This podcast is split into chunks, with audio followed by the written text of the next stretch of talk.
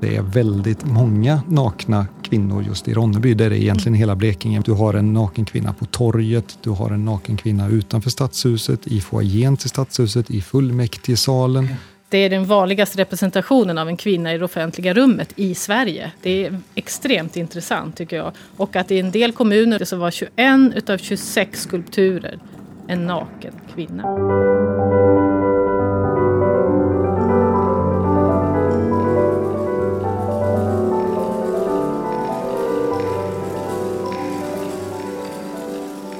Hej, det här är Konst i Blekinge-podden med ett nytt avsnitt. Jag heter Ola Hallqvist. Idag ska vi prata om statyer. Och det finns ju rätt gott om dem i våra städer. Temat idag är kungarna och de nakna flickorna. Alltså statyer av krigarkungar som Gustav II Adolf, Karl XI och Karl XII. Riktiga alfahannar som står på våra torg. Och så kontrasten, våra unga, väna och dessutom helt nakna flickor som pryder våra parker och fontäner. Symboler från en annan tid, men som står kvar och älskas, vårdas och vördas av många. Idag gästas Konst i Blekingepodden av Marcus Sandekär, chef för Blekinge museum, och Torun Ekstrand, projektledare för Konst i Blekinge. Välkomna! Tack så mycket. Tack. Dessutom kommer vi också få höra vad Sofia Lenninger, som är kultur och bibliotekschef i Sölvesborg, har för tankar kring statyer av kungar och nakna flickor. Okej. Okay.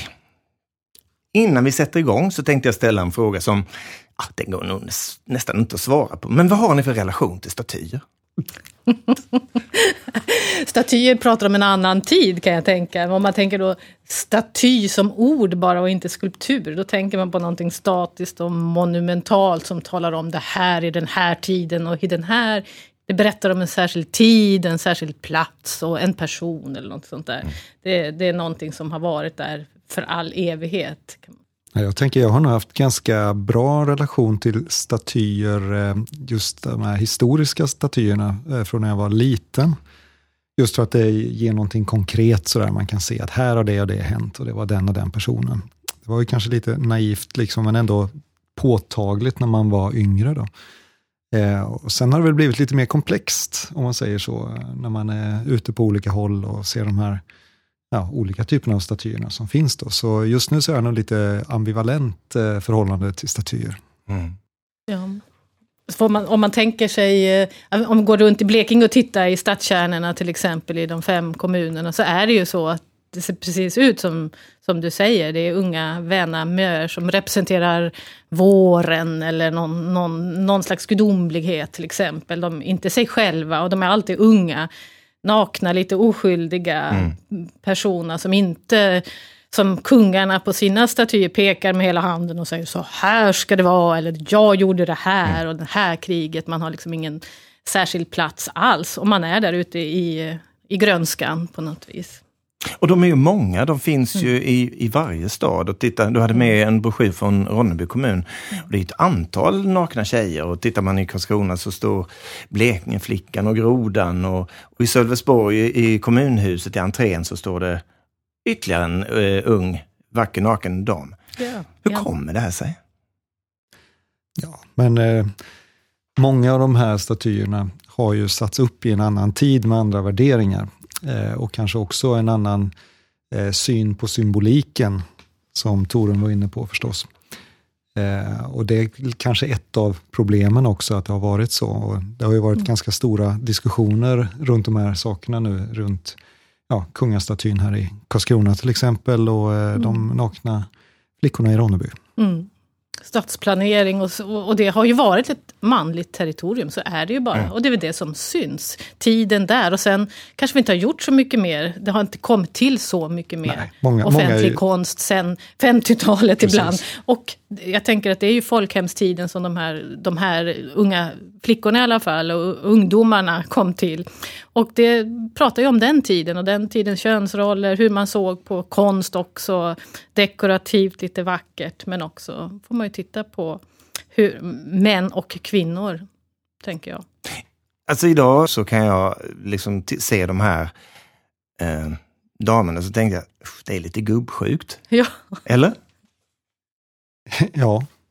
Ja, alltså det, det tycker väl eh, jag att det, med de glasögonen vi har på oss idag så är det svårt att komma ifrån eh, symboliken i en del av de här, så att den för oss idag eh, gränsar åt gubbsjuka eftersom de ofta är väldigt unga. Mm.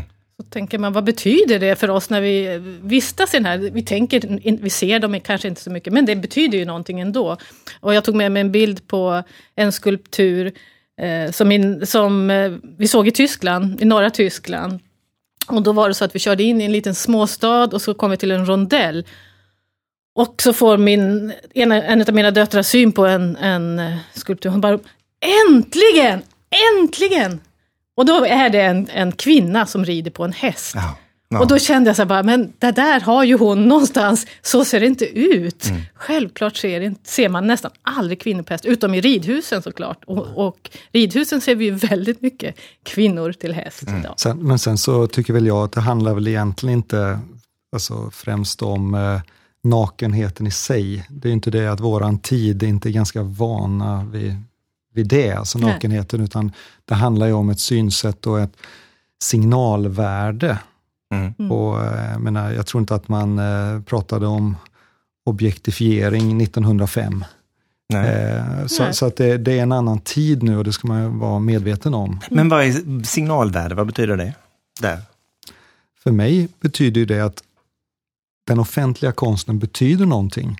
Den signalerar någonting, även om många som man pratar med noterar inte eh, tydligen aktivt den offentliga konsten. Det, det, är ett fenomen. Så var det när vi pratade om de här nakna statyerna i Ronneby. Mm. Att det var väldigt många som inte hade sett dem. Mm. Eh, men de är så naturliga trots, och är så många, mm. så att det blir en, en naturlig del. Och då har de ett signalvärde som vi har tagit in och accepterar. Vi ser det inte ens. Och det är ju lite komplext när man tittar på det så. Ja, men vi, vi pratar ju, 2017 så pratar vi ju väldigt mycket sexuell objektifiering och det finns också en stor rörelse mot det här på, på många sätt. Jag mm. tänker på mina, mina döttrar som är drygt 20 nu, de pratar jättemycket om det här och deras kompisar och så här. Alltså, hur kan de här nakna tjejerna stå kvar? Eh, vem, vem vill ha dem?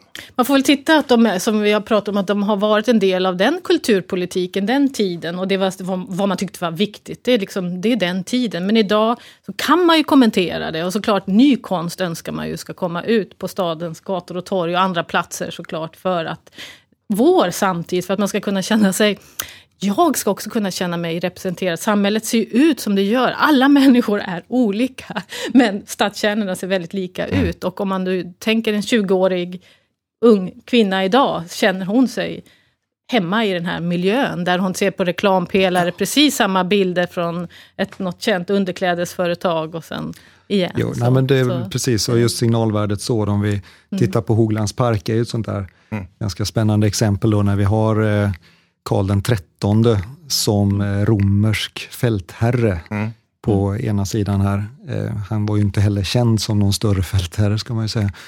Eh, och sen då bakom honom så står då Blekingeflickan, mm. Gunnar Nilssons Blekingeflicka, naken förstås.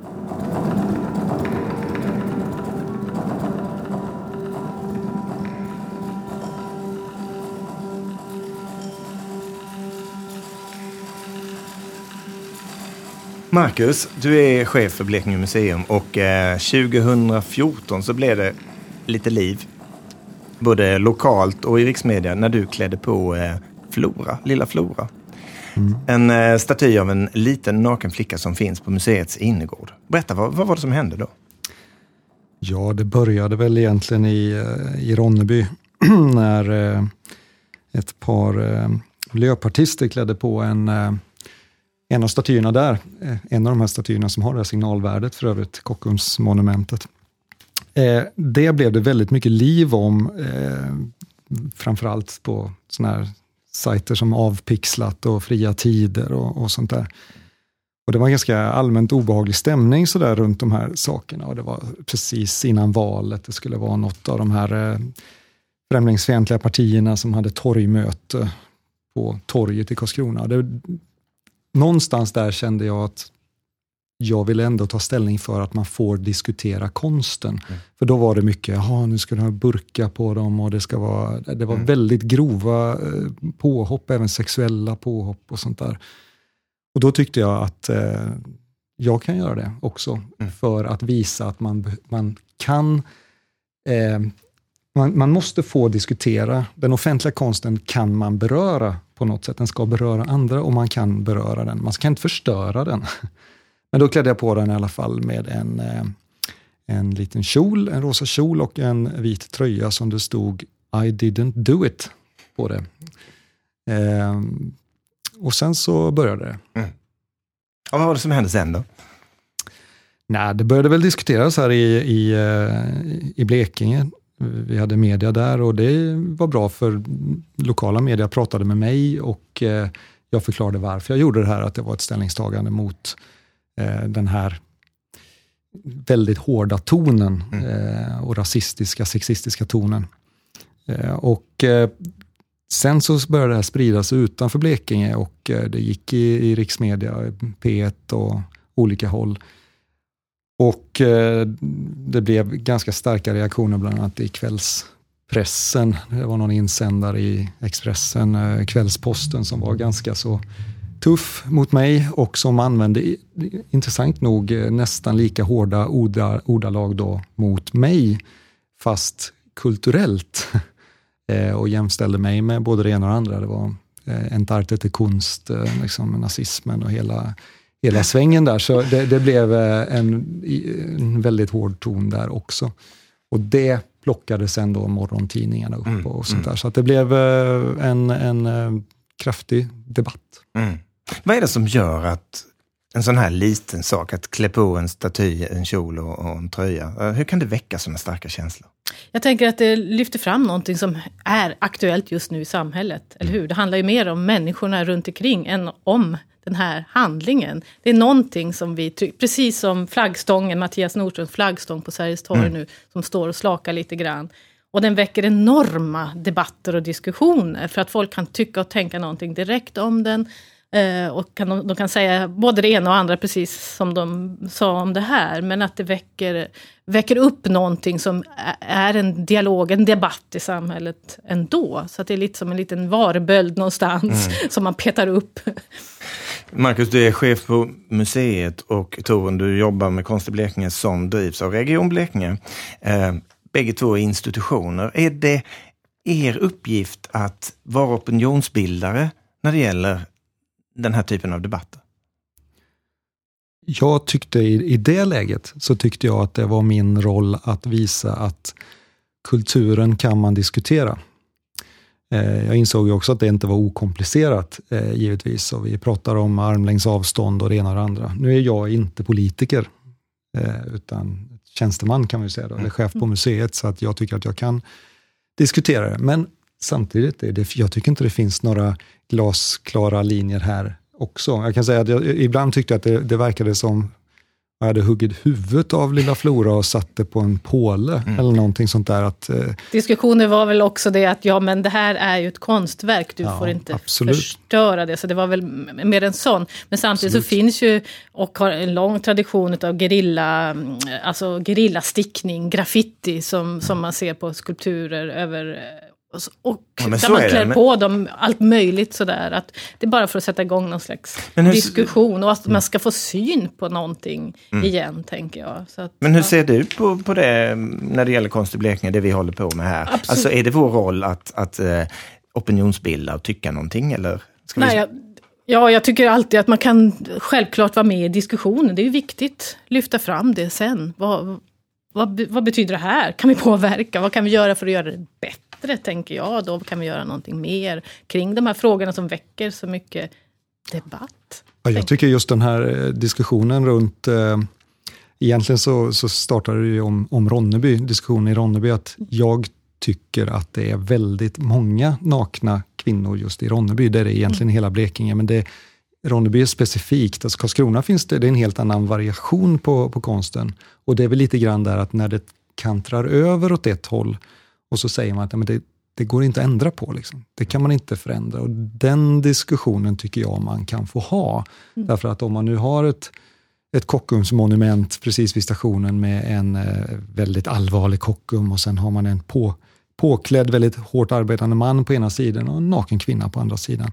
Du har en naken kvinna på torget, du har en naken kvinna utanför stadshuset, i foajén till stadshuset, i fullmäktigesalen, i ja. eh, Kanske var det, var det det som Jessica Sjöholm Skrubbe i sin avhandling som skriver om just de här, har skrivit just om de här och forskat kring de här frågorna. Hon sa att det är den vanligaste representationen av en kvinna i det offentliga rummet i Sverige. Det är extremt intressant tycker jag. Och att i en del kommuner som hon undersökte så var 21 utav 26 skulpturer en naken kvinna, en ung kvinna. Och då, och då menar jag, då måste man kunna lyfta fram det och diskutera det och sen så kan man tycka att jag gjorde rätt eller fel, men det blev i alla fall en diskussion runt det som jag tycker är viktig. Måste vi ta över våra eh, förfäders eh, verk i det offentliga rummet eller kan man göra någonting annat med dem och vad ska man i så fall göra då? Men jag har inga svar på det, men jag tycker att diskussionen måste man få ha utan att bli påhoppad.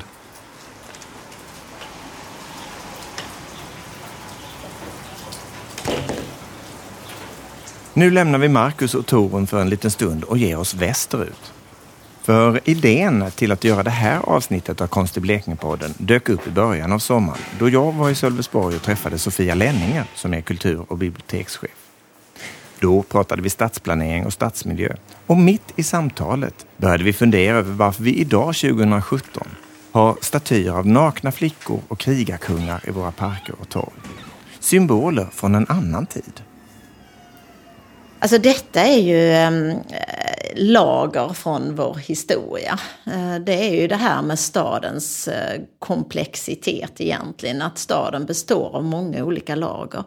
Och den äldsta formerna av konstnärlig utformning i en stad var ju just en eh, maktdemonstration. Eh, man kan säga att kungarna, 1600-talets kungar, de, de eh, formulerade sig själva genom eh, sådana här skulpturer. Det byggdes ju triumfbågar också eh, långt fram i tiden så för att eh, glorifiera kungar och, som hade vunnit vissa slag och så. Det var den tidens maktstrukturer som synliggjordes. Men hur kommer det sig då att vi behåller... Att de kvar. Varför behåller vi dem nu? alla olika lager, tänker jag. För de går ju, står ju ganska... Det är ganska stor skillnad på de värderingarna. Och om vi pratar, alltså jag kan tycka det är slående att Karl XI står i Karlskrona och, och under så går Pridefestivalen varje år. Ja, just det måste jag ju tycka är väldigt elegant. Att eh, Karl XI står kvar där och Pridefestivalen tar över torget och färgsätter torget.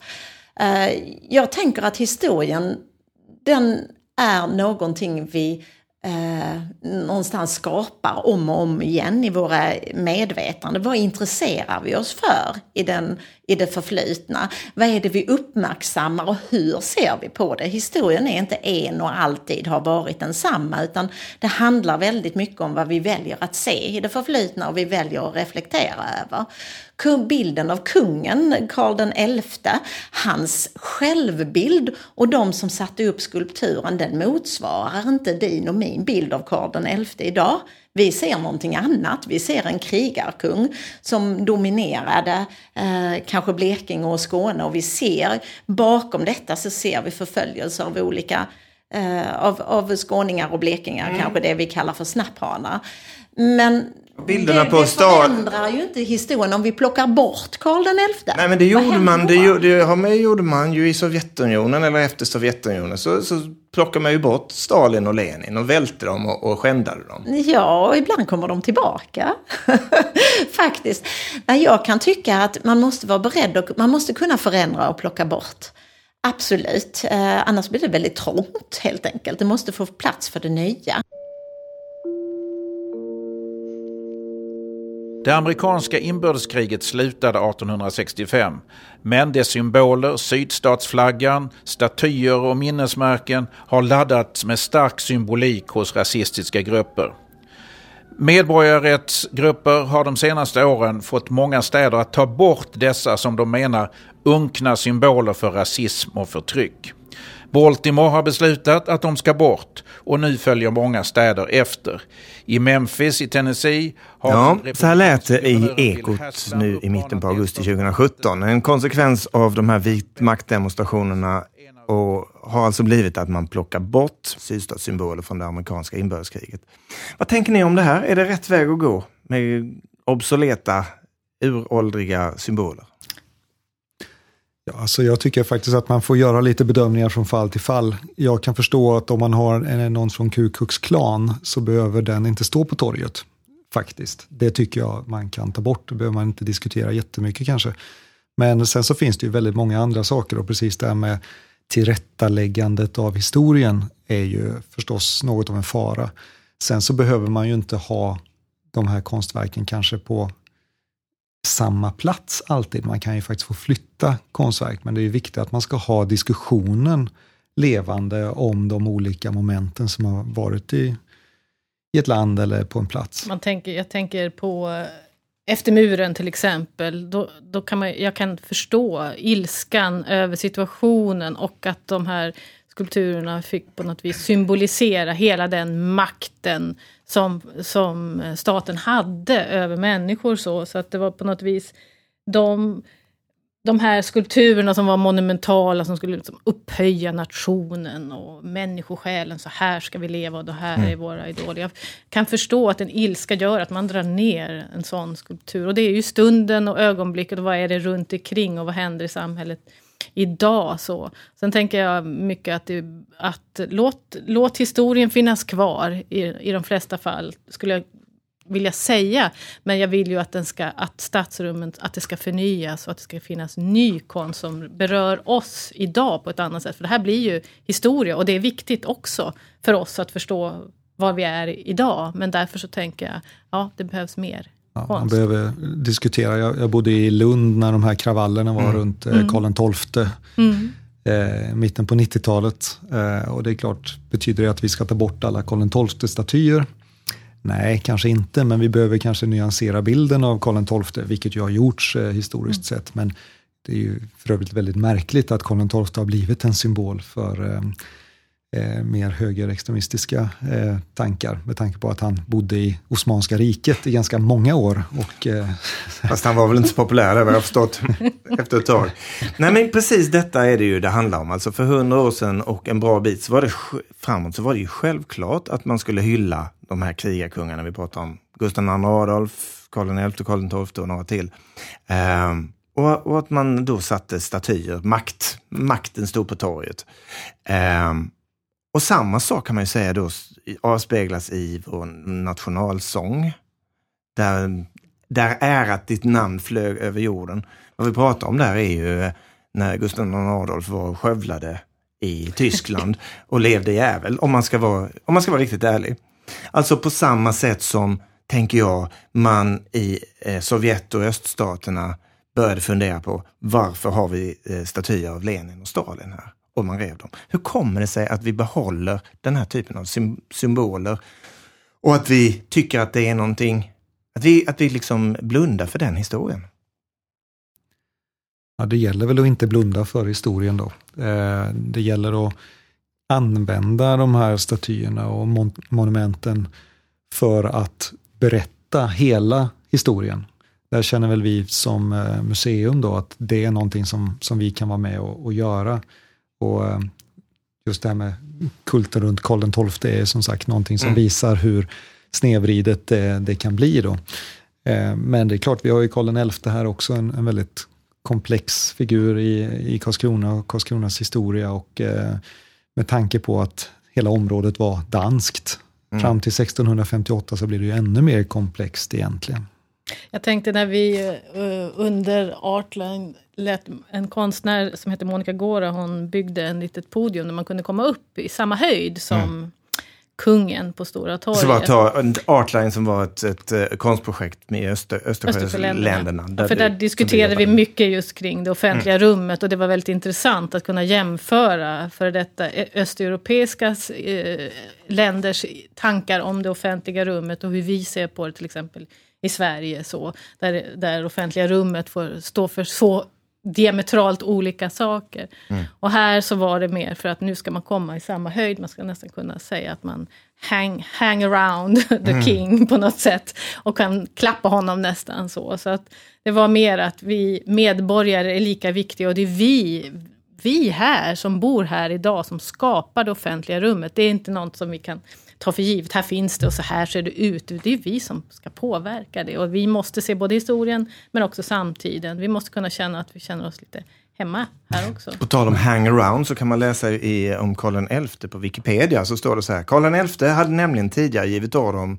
att var, för varje svensk soldat som dräptes på vägarna i Osby ökenheds socken skulle tusen daler, motsvarande en och en halv miljoner kronor i dagens penningvärde, betalas i böter av invånarna och var tredje man hängas, vare sig bönderna i byarna var inblandade eller ej.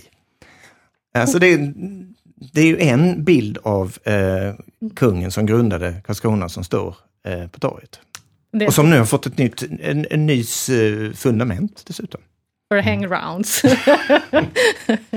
men, men eh, utan att lägga så mycket värderingar i detta, är det inte märkligt att, att eh, vi behåller sådana här symboler?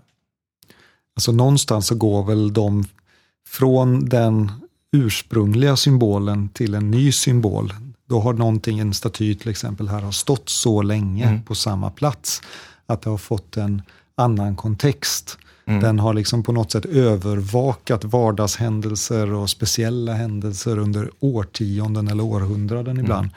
Och eh, då, då får den en annan plats i hjärtat. Fast, fast på riktigt så är ju inte de här symbolerna särskilt gamla. De är Nej. ju en del av den nationalism som växte fram i slutet på ja. 1800-talet och som var väldigt stark under första delen av 1900-talet mm. och, och, och bar fram både första och andra världskriget. Men den är ändå äldre än både dina föräldrar och dina farföräldrar. Ja. Så så hur långt är ett mannaminne? Nej. Det brukar Leif Stenholm säga ibland. Mm. Eh, det är ju det att vi vet ingenting annat. De har alltid funnits där för oss. Då. Vi får istället göra som jag såg för en vecka sedan, eh, Helena Byström och koreografen Anna Anna Kjellblad som har tagit sig an något som de kallar City Riders, där 20-25 kvinnor leker kan man säga. De rider genom stan fastän de gör det utan hästar kan man säga. Förbi alla större monument och eh, frustar och hoppar och skuttar. Bara för att på något vis ta plats i det offentliga rummet. Både som kvinna men också den här bilden av, av ryttaren. Och eh, just för att så många kvinnor faktiskt också rider, styr och ställer i, på sin fritid. Det är jätteviktigt. Men eh, jag var i Ungern förra veckan Mm. Eh, tillsammans med mina kollegor, länsmuseichefer, för att titta på utvecklingen i Ungern som är ganska mm. oroväckande. Eh, och där eh, har de väldigt många monument också. Det är väldigt bronstungt i hela mm. Budapest till exempel. Det är nästan uteslutande män. Mm. Och det handlar till allra största delen om väldigt krigiska saker. Men ett väldigt omdiskuterat monument sattes upp bara för några år sedan, tre år sedan tror jag som visar en ängel som blir överfallen av en örn. Jag tror det är ärkeängeln Gabriel. Och detta ska då symbolisera hur nazismen attackerade det oskyldiga Ungern mm. och då eh, deporterade judar och sånt där. Och där är ett sätt att försöka skriva om historien då, att man tar bort den egna skulden för judedeportationen, mm. menar väldigt många då, och lägger den på Tyskland och på, på nazismen.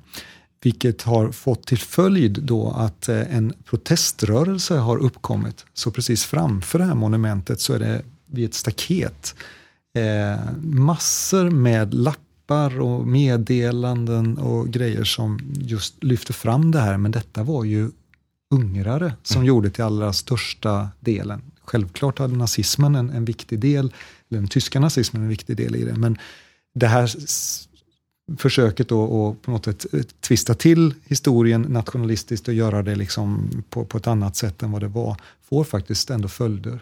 Men använder man inte, är inte statyer precis det, opinionsbildning och propaganda? Det var, har varit det, absolut. Ja. Och i de forna östeuropeiska länderna, absolut. Propaganda, det var verkligen en viktig roll för konsten då. Det skulle vara propaganda helt mm. enkelt, så att folket skulle förstå deras eget bästa på något sätt. Mm.